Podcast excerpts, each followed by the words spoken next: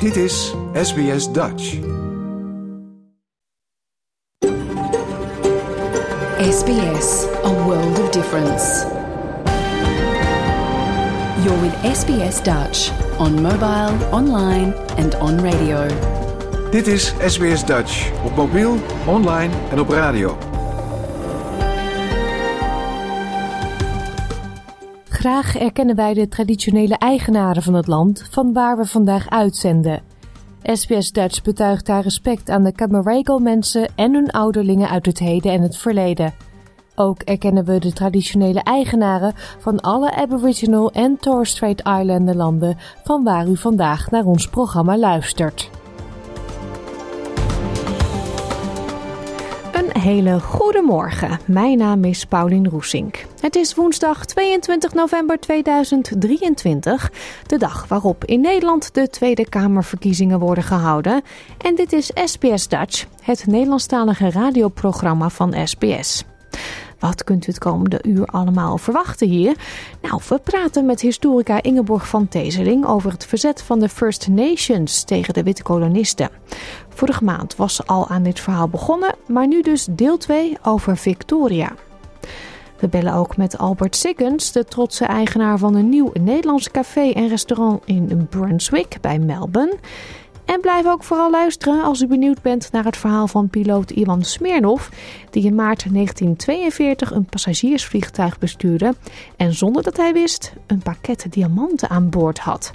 Wat er met die diamanten gebeurd is, hoort u straks. Dat en muziek allemaal in deze uitzending van SBS Dutch.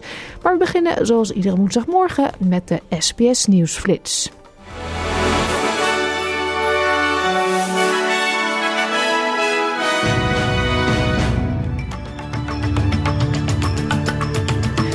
Dit is de SBS Nieuwsflits van woensdag 22 november. Mijn naam is Paulien Roesink.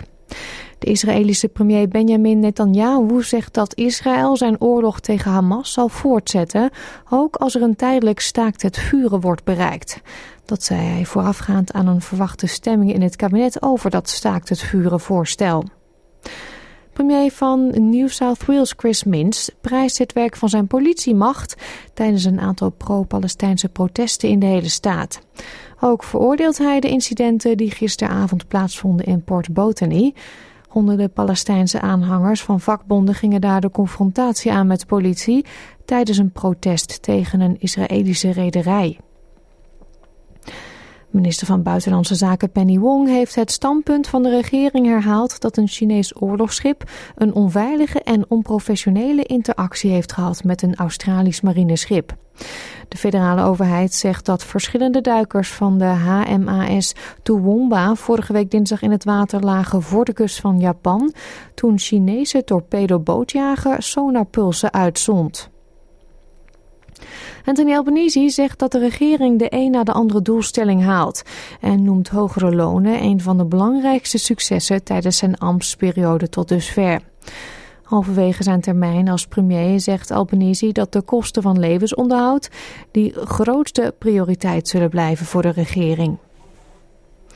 Er zijn grote tegenstellingen gaande op de zeer krappe arbeidsmarkt in Australië. Zo is er een stijging te zien van 17% naar 31% in het aantal ontslagen. Daarnaast blijft, volgens de enquête die het Australian HR Institute ieder kwartaal uitvoert, het aantal organisaties dat van plan is personeel aan te blijven nemen groeien. De leider van de Europese Unie, Charles Michel, heeft beloofd alles op alles te zetten om Oekraïne tegen december formeel uit te nodigen om aan de onderhandelingen over de EU-lidmaatschap te beginnen. Michel zei dat in Kiev en hij werd daar vergezeld door de Oekraïense president Volodymyr Zelensky en de Moldavische president Maya Sandu ter gelegenheid van de tiende herdenking van een opstand. En internetplatforms moeten het belang van kinderen in hun achterhoofd houden bij het ontwerpen van hun diensten. Dat staat in een hernieuwde wetswijziging met betrekking tot online veiligheid. In het, in het wetswijzigingsvoorstel staat ook dat platforms onwettig materiaal dat met behulp van kunstmatige intelligentie is gecreëerd, moeten verwijderen en stappen moeten ondernemen om haatzaaiende uitlatingen op te sporen. Tot zover deze nieuwsflits. Volg de SBS Dutch podcast voor meer nieuws en achtergronden of bezoek onze website www.sbs.com.au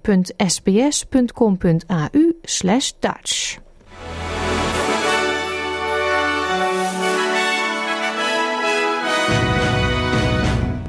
gaan we verder met achtergronden bij het nieuws. Een bijzonder grote groep kinderen in Australië gaat niet op zwemles omdat hun ouders vinden dat ze te jong zijn. Een nieuwe campagne moet ervoor zorgen dat het aantal kinderen onder de vijf jaar dat naar het zwembad gaat stijgt. Maar naast leeftijd blijkt ook dat de kosten voor zwemles ouders ervan weerhouden hun kind op zwemles te doen.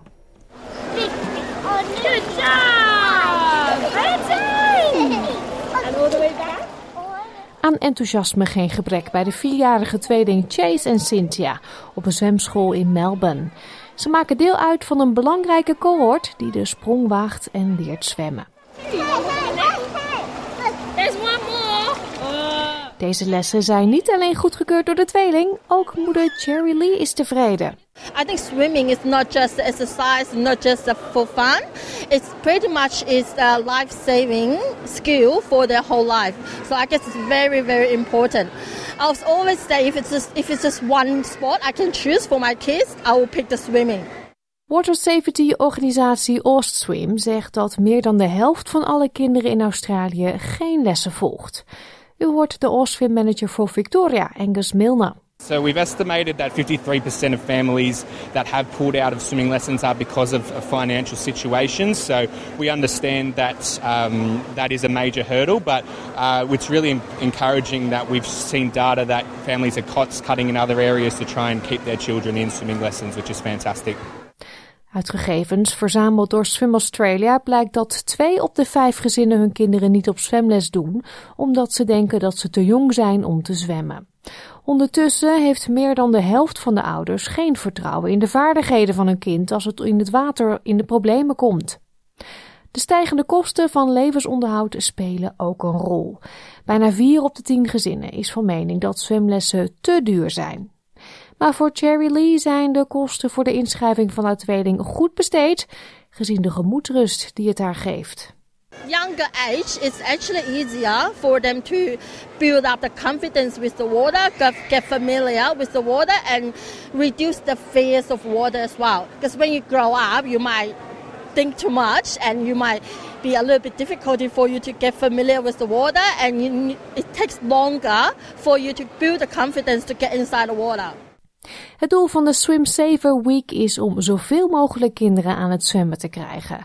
Maar zoals mevrouw Lee zegt, het is nooit te laat om ongeacht de leeftijd je watervaardigheden op te frissen. I only know very basic uh, swimming skill, but I would like to improve with some other style as well. So I was thinking to schedule myself into a swimming lesson as well. Yeah. En de tweeling kijkt vast en zeker uit naar meer tijd in het zwembad.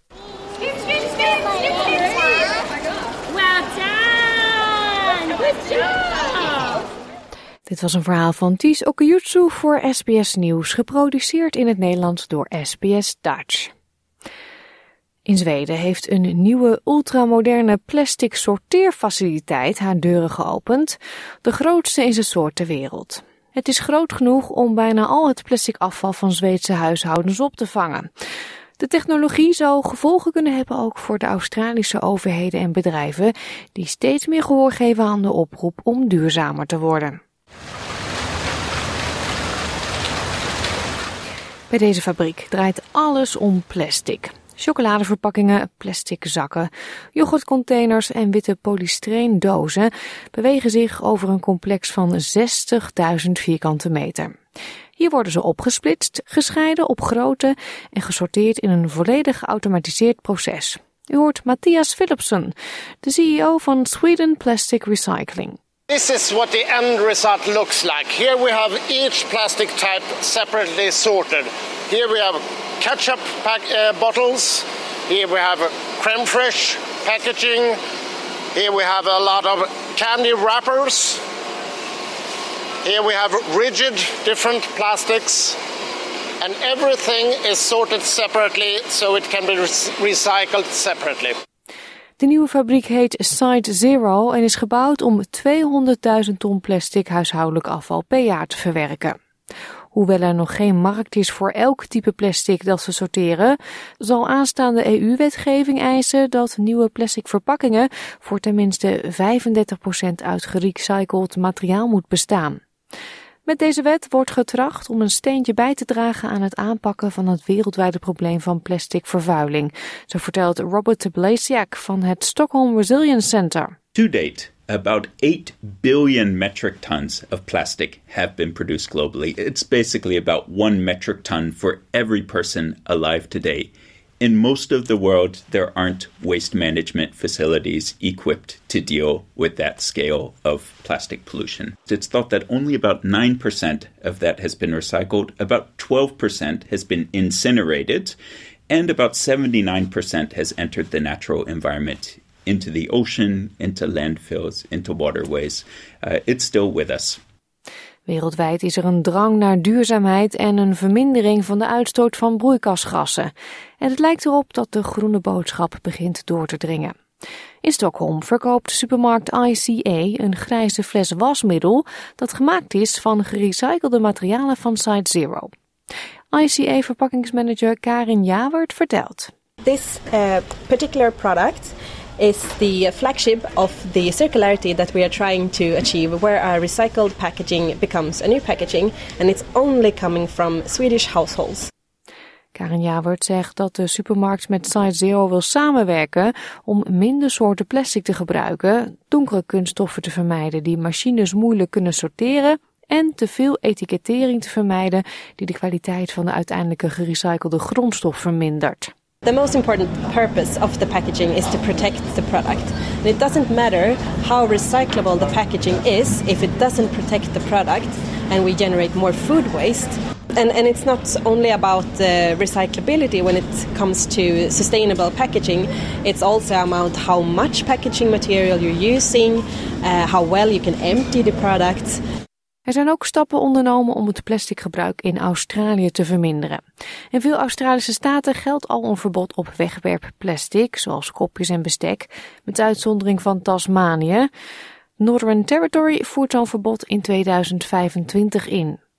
Coles, Woolworths en Aldi hopen tegen het einde van het jaar de inzameling en recycling van zachte kunststoffen te hervatten. Maar die zelf opgelegde deadline kan problematisch worden vanwege een gebrek aan recyclingfaciliteiten. Volgens Robert Blasiak blijkt uit onderzoek van het centrum dat bedrijven duurzaamheid voornamelijk zien als recycling, terwijl de andere fase van de levenscyclus van plastic vaak wordt genegeerd. Nu de hoeveelheid geproduceerd plastic afval wereldwijd in 2060 bijna zal verdrievoudigen, is er volgens hem een verandering in die perceptie nodig. We need to focus upstream to the earlier stages of the plastics life cycle if we're going to bring the plastics footprint down. That means looking at product design. That looks at means looking at alternatives to plastic packaging, reducing the amount of plastic that's actually needed in packaging, in operations, in shipment, in transport, all these different stages that come before you even start to think about recycling or incinerating or disposing of plastic. Dat was een verhaal van Deborah Groark voor SBS Nieuws, geproduceerd in het Nederlands door SBS Dutch.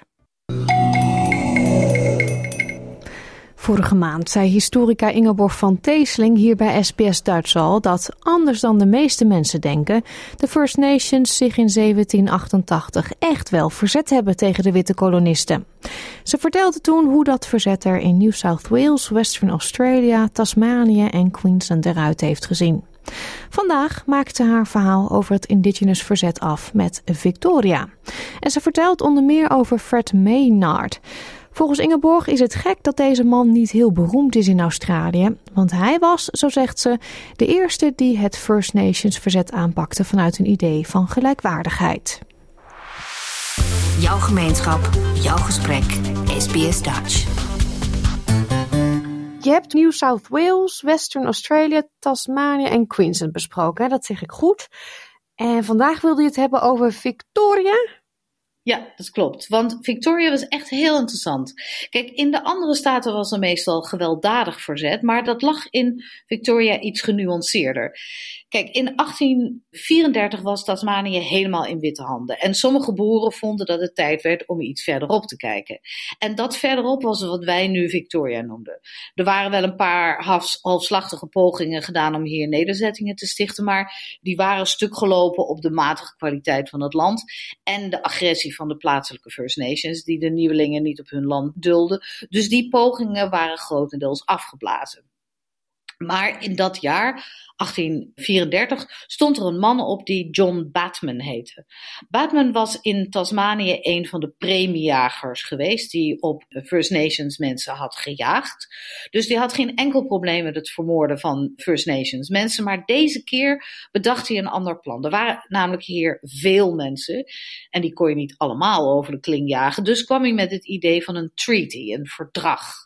Hij bood de plaatselijke First Nations tomahawks en messen en scharen en kleren en een jaarlijks bedrag in ruil voor 600.000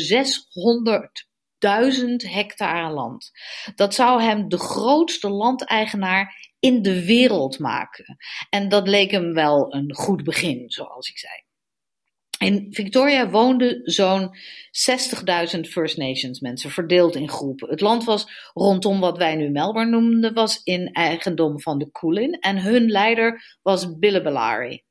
En toen Batman hem benaderde, riep hij de elders bij elkaar om het voorstel voor te leggen. Het was alleen een misverstand, want voor de Koelen betekende het begrip eigendom iets heel anders dan het voor Batman betekende. Zij begrepen dat hij een soort visum kocht, doorgang, gastvrijheid, en dus tekenden ze. En dat was het enige verdrag dat er ooit tussen First Nations en kolonisten gesloten is in Australië. Er was alleen een kwestie.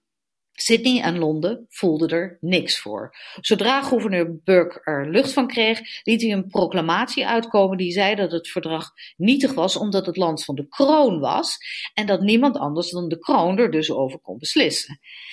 Batman was niet meer dan een dief en ook Billibellary woonde opeens op land dat niet van hem was. En dat had consequenties, want door het verdrag kwam Victoria vol in het licht te staan en binnen een paar jaar wemelde het van de witte kolonisten.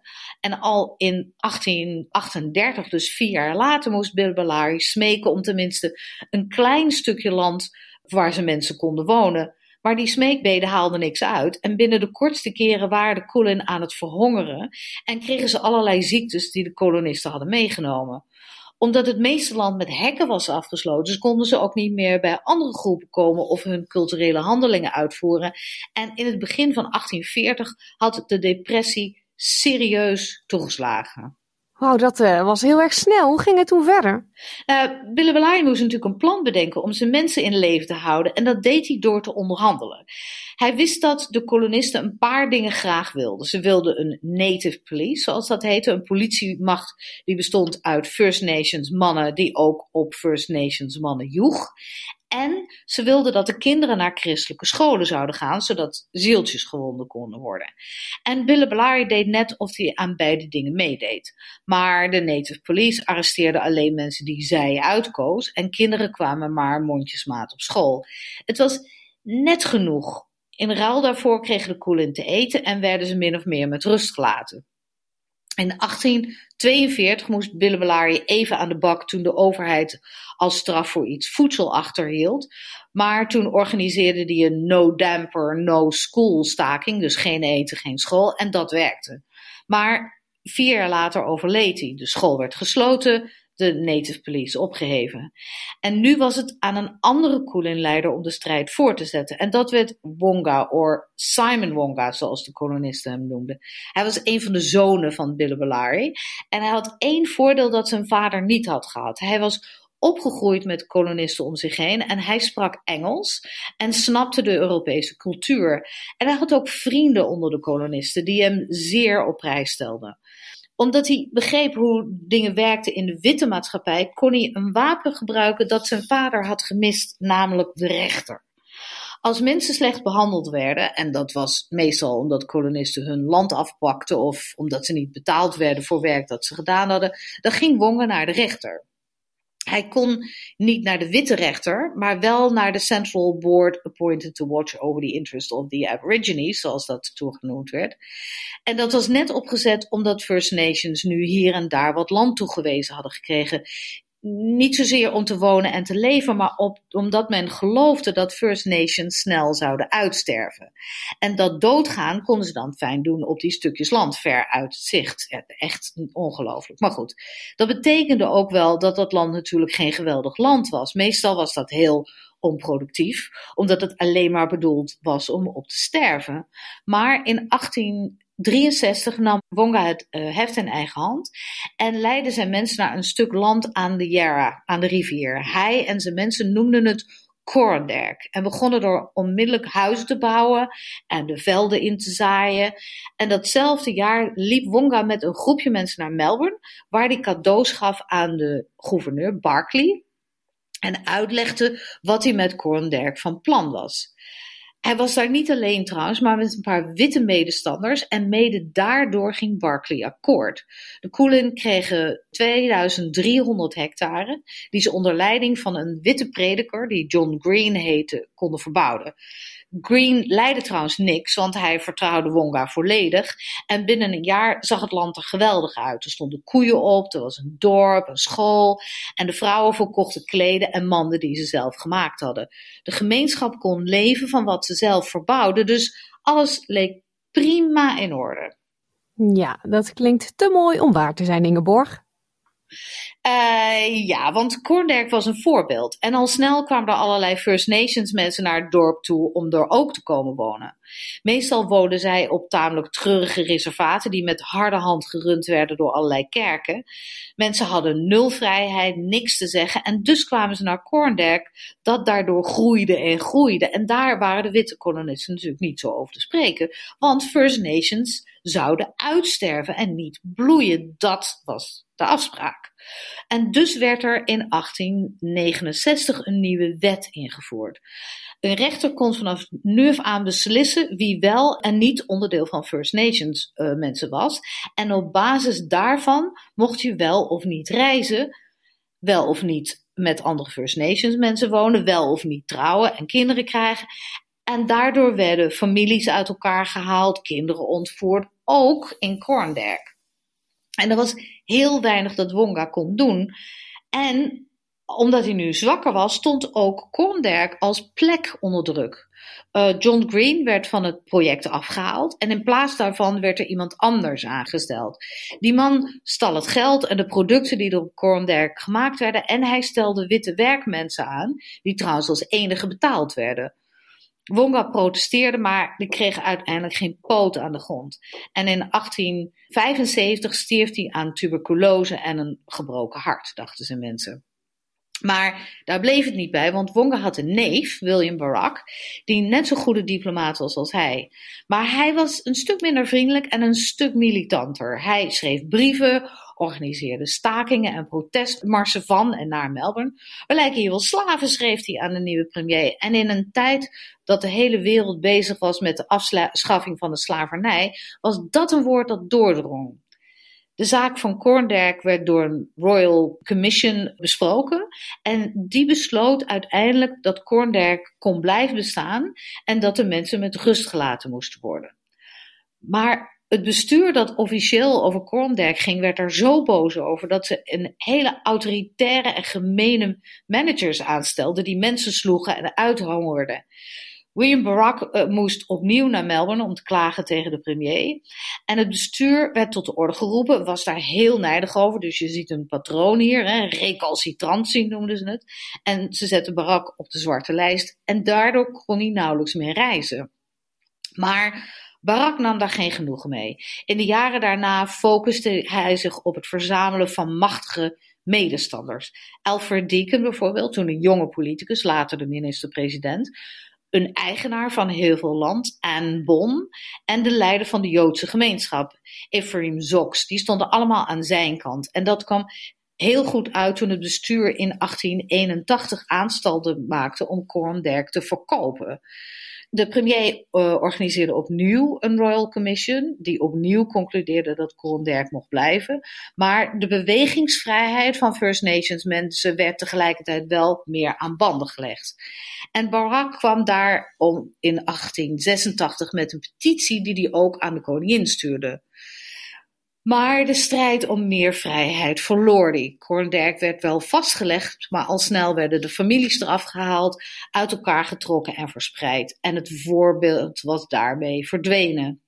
Barak overleed in 1903 en in 1948 werd Korndijk verkocht. Maar 50 jaar later, in 1998, werd het teruggekocht. En het is nu weer in handen van de Kulin. En met dat uitsterven viel het ook wel mee, want er zijn nu 300.000 First Nations mensen in Victoria. Ja, kunnen we dat dan maar het voordeel noemen, zeg maar, van dit verhaal? Um, we hebben niet heel veel tijd meer, maar kan je ons nog even kort loodsen door die laatste zoveel jaren, de 20e eeuw? Ja, natuurlijk. Kijk, een van de eerste mensen die het verzet echt groots aanpakte, landelijk aanpakte ook, was Fred Maynard. Die ook de eerste officiële politieke organisatie opzette, de Australian Aboriginal Progressive Association. Fred Maynard is een man die eigenlijk in Australië heel beroemd zou moeten zijn. Want hij was de eerste die het First Nations verzet aanpakte vanuit een idee van gelijkwaardigheid. Onder invloed van mensen zoals de Amerikaanse zwarte historicus Dubois had hij het over self-conscious manhood, wat het streven was. Dus zelfbewuste menselijkheid. Niks met de pet in de hand afwachten tot je de kruimels krijgt, maar dingen opeisen. In 1924, na een leven van onderdrukking, stichtte Maynard dus de AAPA, die radicale doelen had: zelfbestuur, educatie, stemrecht, bewegingsvrijheid, burgerrechten en land. Net zoals elk mens die onder het Zuiderkruis geboren is, zoals hij zei. De AAPA hield vier conferenties in de jaren twintig, waar honderden, eigenlijk duizenden mensen op afkwamen. En al snel schreef de organisatie brieven en petities naar kranten en premiers en de minister-president, kerkleider, zelfs de koning. En een tijdje zag het er eigenlijk best goed uit, maar uiteindelijk moest de AAPA met minder vooruitgang genoeg nemen dan ze wilden. Maar daar werd weer op gebouwd door de mensen eh, die in 1937 de Aborigines Progressive Association en de Australian Aborigines League oprichtten. Een paar namen daaruit waren bijvoorbeeld William Cooper en Margaret Tucker en Pearl Gibbs. Daar kan ik je ook uren over vertellen, maar in het kort. Het jaar erop, in 1938, werden er festiviteiten gehouden naar aanleiding van het feit dat 1788 nu 150 jaar geleden waren. Er waren feesten, maar First Nations mensen deden daar alleen gedwongen aan mee. En dat leidde ertoe dat er twee organisaties opstonden die allereerst de eerste Day of Mourning organiseerden. En daarna zetten ze zich, net als Fred Maynard, en met grotendeels dezelfde eisen in voor politieke, economische en sociale erkenning van First Nations mensen. En net als bij Maynard bereikten ze kleine dingen, maar liep het uiteindelijk toch dood op het racisme en het onbegrip en onwil van de witte bevolking. Maar ook zij waren schouders voor mensen als Faith Bandler, die een van de grote krachten was achter het slagen van het referendum uit 1967, voor Charlie Perkins en zijn Freedom Rights en zijn pogingen om vanuit een plek binnen het systeem dingen te veranderen, voor Vincent Lingiari en de Gurindji die in Queensland de eerste landrechten voor elkaar kregen na lang vechten. We kennen die beelden wel, hè? Gough Whitlam die zand strooit in de handen van Lingiari. From Little Things, Big Things Grow, dat liedje. En dan was er natuurlijk ook nog heel belangrijk Eddie Mabo, die voor de Hoge Raad bewees dat het hele idee van Terra Nullius, een leeg land dat je gewoon maar in beslag kon nemen, onzin was. Ja, deel 1 van het Indigenous Verzet en alle andere fascinerende geschiedenislessen van historica Ingeborg van Teeseling zijn natuurlijk terug te luisteren op onze website www.sbs.com.au Dutch. Klik bovenaan op de website op podcastseries en kies daarna Australië tot nu toe. Muziek nu van de Puma's. Dit is Houten Hart. Wie hunkert er niet zo af en toe naar de Nederlandse keuken? Albert Sikkens werd geboren in Amsterdam, maar verhuisde op jonge leeftijd met zijn Australische moeder naar Londen. Als kleine jongen kwam hij nog vaak naar Nederland om zijn vader en andere familie te bezoeken en zo ontwikkelde hij een ware liefde voor echte Nederlandse keuken. Inmiddels woont Albert al jaren in Melbourne, maar dat Nederlandse eten dat ging maar niet uit zijn hoofd. En ja, wat doe je dan? Dan open je toch gewoon je eigen Nederlandse café-restaurant. Mokum opende een paar weken geleden haar deur in Brunswick bij Melbourne en wij belden met Albert om te horen hoe het hem vergaat. SBS Dutch, woensdag en zaterdag om 11 uur 's ochtends of online op elk gewenst tijdstip.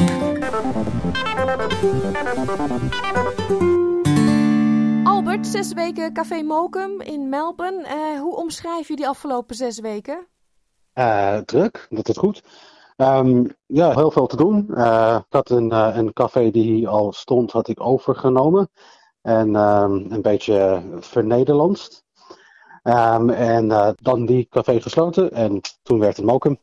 Ja, Mokum, we weten meteen dan waar dat voor staat. Je praat ja. Nederlands, dus we denken allemaal meteen aan Amsterdam. Ziet het café er van binnen ook lekker Amsterdams uit? Lekker Nederlands? Uh, een, beetje. De, de ombouwing, dat, uh, dat ben ik nu nog steeds aan het doen. En uh, de idee is dat vanaf januari dat we open zijn voor ontbijt, lunch en, en daarna. Blijven we open tot, tot tien uur s avonds. En het was een café, dus ik maak nu een, café en bar. Dus ik bouw hier een bar binnen en een van de muren ben ik bezig aan het schilderen. En, wordt het zo lekker oud-Hollands bruin of wordt het wel wat moderner dan de echte kroegen in Nederland? Uh, het is niet helemaal traditioneel oud-Nederlands. Uh, het is een beetje de moderne keuken van moderne Amsterdam. Hmm. Dus ja, modern flavors of Amsterdam. Ja, en uh, wat voor flavors? Ik heb de menukaart voor mij. Ik zie een boerenomelet, yummy. Ja.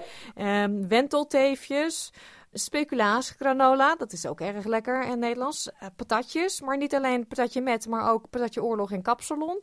Ja, dat, dat is wat ik mis. Ik mis patatje oorlog en ik mis kap. Uiteindelijk heel veel van, uh, van de eten dat op de menu staat is gewoon eten dat ik zelf wil eten. En ja. dan neem ik aan dat misschien anderen dat ook wel willen. Huzarensalade. Ja, heel lekker. Ja, wat leuk. Waar komt die liefde dan voor de Nederlandse keuken vandaan? Want je woont al een aantal jaar hier. Ja. Ben je opgegroeid in Nederland?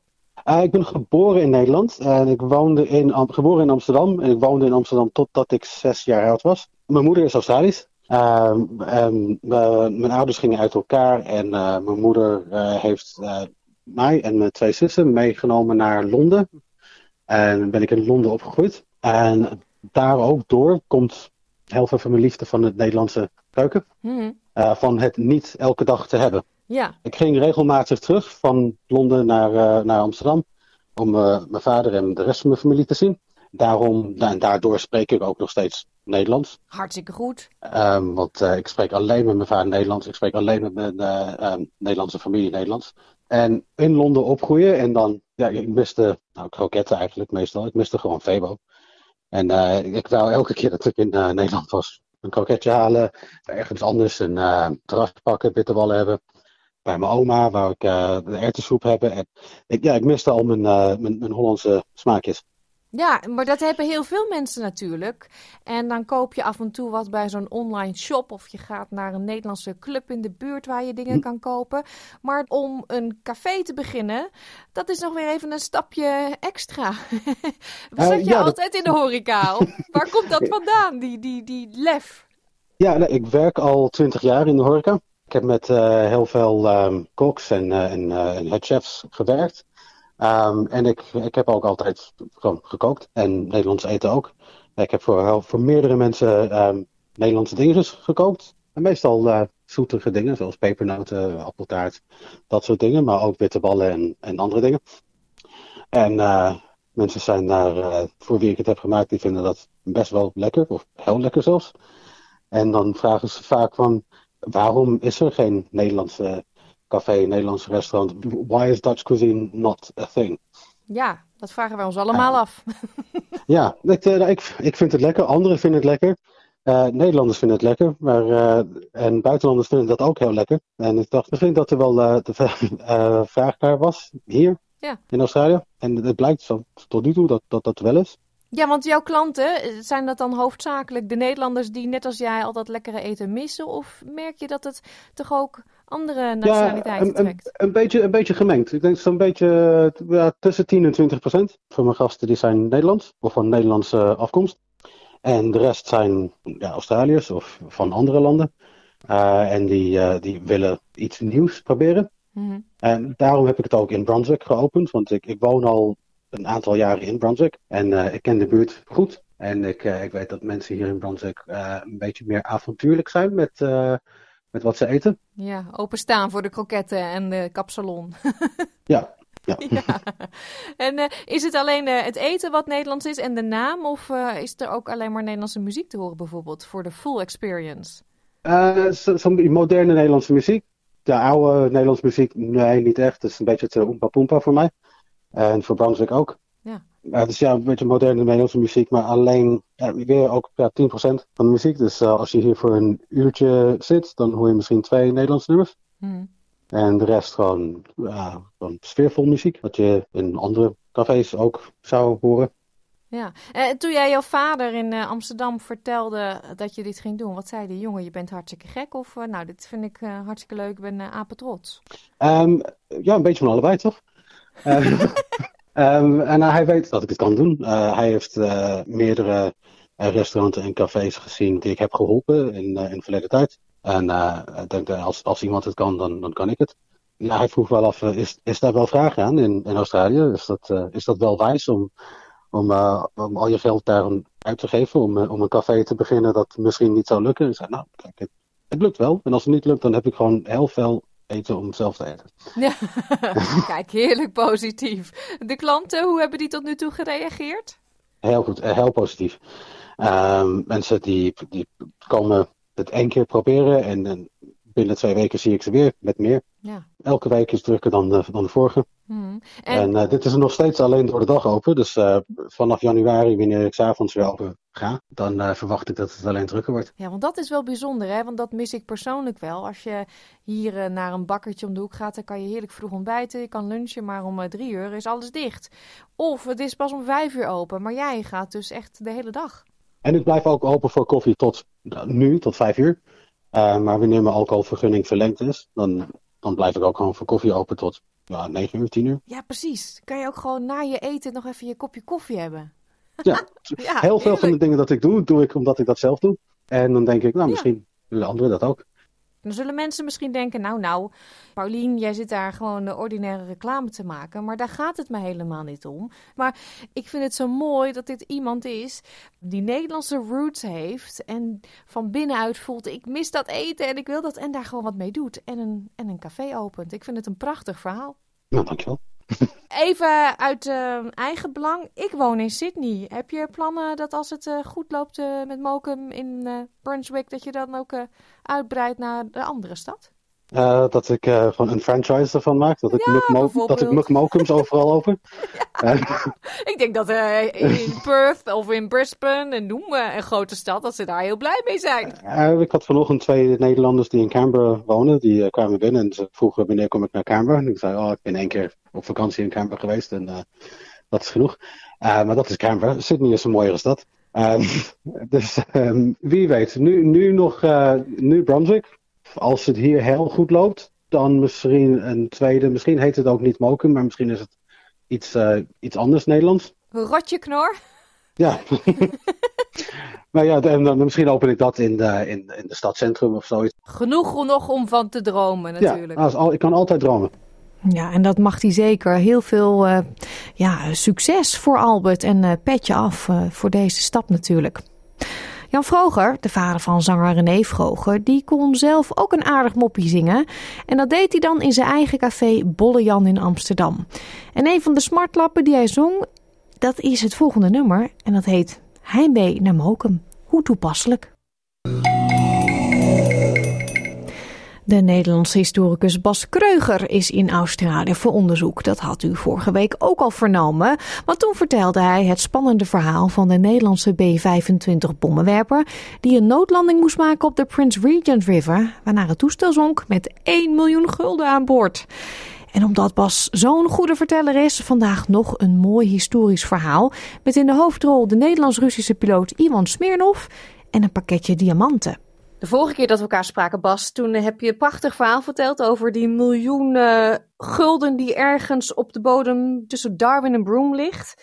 Uh, waar te gevaarlijk is om op te duiken vanwege de krokodillen onder andere. Maar je vertelde toen dat er nog een prachtig verhaal is. En dat heeft te maken met diamanten die ook verloren zijn gegaan. Klopt, klopt. Uh, nou, het verhaal van Broome speelt zich dus af op 3 maart 1942. Toen is er dus een aanval geweest op Broome door de Japanners. Waarbij uh, in ieder geval elf Nederlandse toestellen in brand zijn geschoten, maar ook Amerikaanse en Australische. Op datzelfde moment was er een passagiersvliegtuig van de Nederlands-Indische KLM, de KNILM, was onderweg van Batavia ook naar Broome. Met aan boord uh, passagiers. Uh, er was dus geen militaire vlucht, maar een civiele vlucht. 14 mensen aan boord. En de toestel werd gevlogen door een hele beroemde vlieger, Ivan Smirnov. Een Rus, of althans, het was een Nederlander, maar ooit was hij een Rus. Hij was in de Eerste Wereldoorlog een beroemde Russische jachtvlieger geweest en na de Russische revolutie naar Nederland gekomen. En hij vloog dat toestel naar Australië toe. Maar bij vertrek had iemand van de Nederlands-Indische Bank had hem een pakketje toegestopt van joh, wil je dat meenemen? Er komt iemand in Port Hedland, als je daar uiteindelijk aankomt, komt dat ophalen. Nou ja, dat is goed. Dus dat had hij achter zijn pilotenstoel gestopt. Um, en had er verder niet meer aan gedacht, was gaan vliegen. Um, maar toen ze vlak bij Broome En hij wist waren, niet wat erin zat ook. Nee, hij wist niet wat erin zat. Was ook niet aan hem gezegd. Gewoon een pakketje wil je dat meenemen en aan de vertegenwoordiger van de bank in Australië geven. Ja, dat is goed. En toen ze vlak bij Broome kwamen, kwamen de Japanse toestellen die de aanval daar gedaan hadden, kwamen terugvliegen. Die gingen naar Timor terug. En die kwamen de toestel van Smirnov, een DC-3, een tweemotorige uh, Dakota passagiersvliegtuig, kwamen ze tegen. Maar Smirnov had natuurlijk een beetje mazzel dat ze uh, hadden al in Broome gevochten, hadden niet zoveel benzine meer, hadden niet zoveel munitie meer. Maar dachten van nou, we kunnen dat toestel nog mooi ook even neerschieten. Dus dat hebben ze geprobeerd. Maar Smirnov als oude jachtvlieger wist toch allerlei met dat lompe toestel, allerlei manoeuvres te maken. En aardig aan ze te ontkomen. Een van zijn motoren was in brand geschoten. Uh, Japanners gingen weg. Die dachten, nou die hebben we. En hij slaagde er dus nog net in de kust te bereiken en is op het strand van Carno Bay, dat ligt een, een 60 kilometer ten noorden van Broome, heeft hij het toestel in de branding um, op de grond gezet. In de branding, omdat daarmee ook die, meteen die brandende motor uh, geblust kon worden. Slim, dus ja. het toestel lag daar half in de branding. Nou ja, iedereen moest daaruit. Er waren een aantal mensen gewond uh, aan boord. Dus die moesten eruit getild worden. Uh, helaas zijn daarbij ook vier passagiers uiteindelijk uh, overleden. Of door de Japanse kogels, of later doordat ze een hele tijd op dat strand uh, bleven.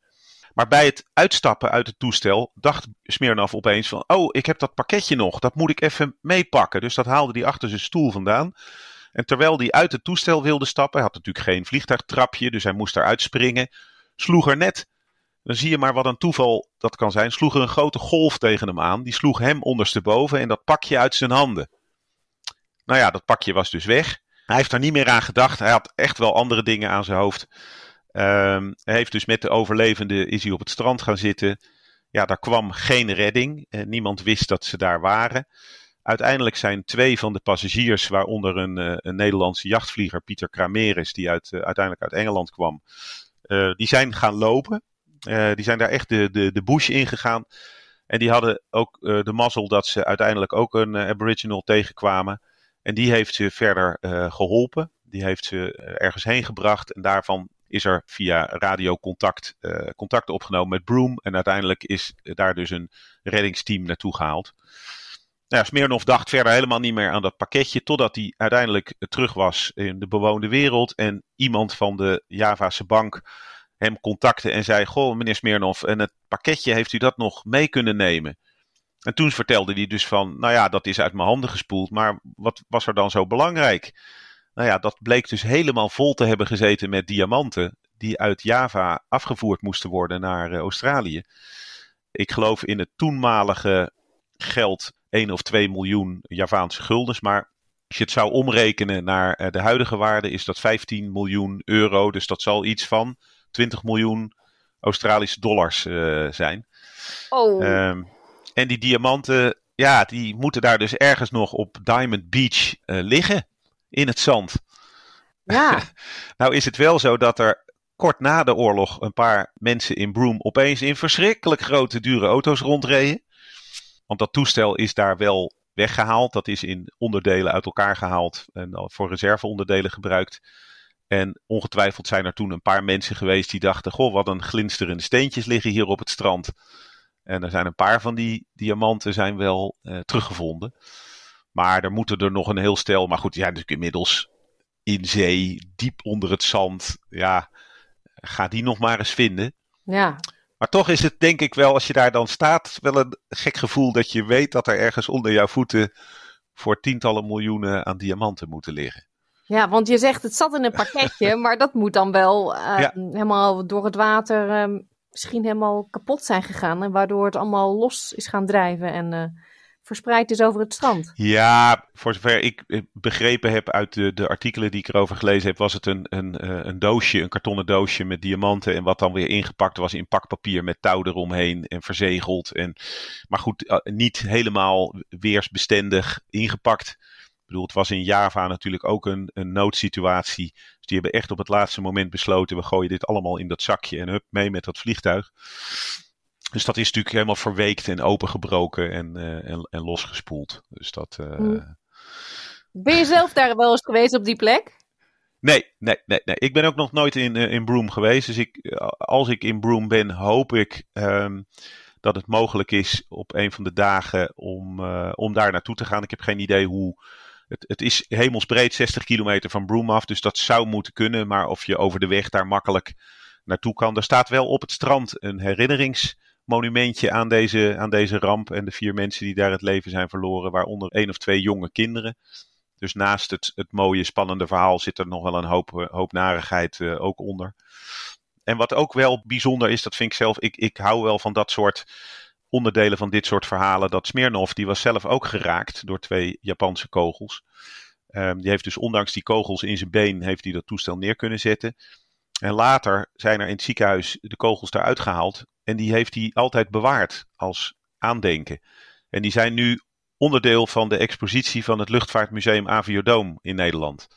Dus daar heb ik ze ook een paar jaar geleden gezien. En dat is weer hetzelfde als wat ik zei over die objecten uit Broome ja, als je dan in Aviodome die twee kogels ziet die in het been van Smirnov hebben gezeten, in Carno B.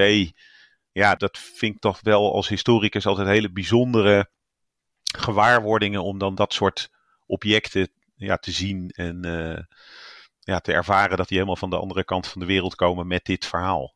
Beetje luguber ook wel.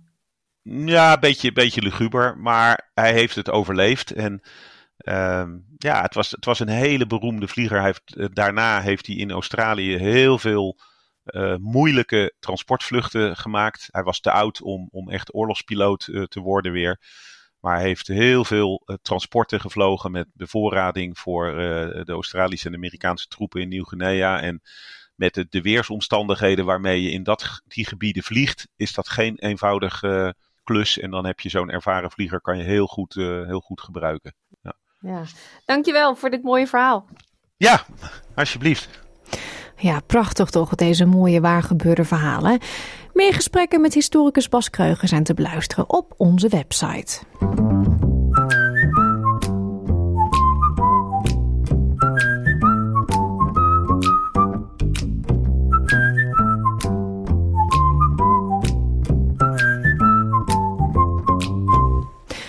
Zijn alweer aan het einde gekomen van dit uur SBS Duits op SBS Radio 2. Op onze website sbs.com.au Dutch kunt u deze aflevering terugluisteren en ook al onze andere gesprekken en podcastseries zoals de Aan tafelreeks, Emigreren, Remigreren en het verliezen van je Nederlanderschap. Terugluisteren kan ook trouwens via de SBS Audio app. Deze is gratis en voor niets te downloaden in de Apple Store en Google Play. SBS Dutch is natuurlijk ook aanwezig op Facebook. Facebook.com slash sbsdutch. Geef ons daar een like, praat mee en mis niets. We sluiten af met muziek van Maan en Gold Band. Dit is Stiekem. Zaterdag zijn we er weer. Ik wens u een fijne middag en uh, heel graag tot dan. Like, deel, geef je reactie. volg SBS Dutch op Facebook.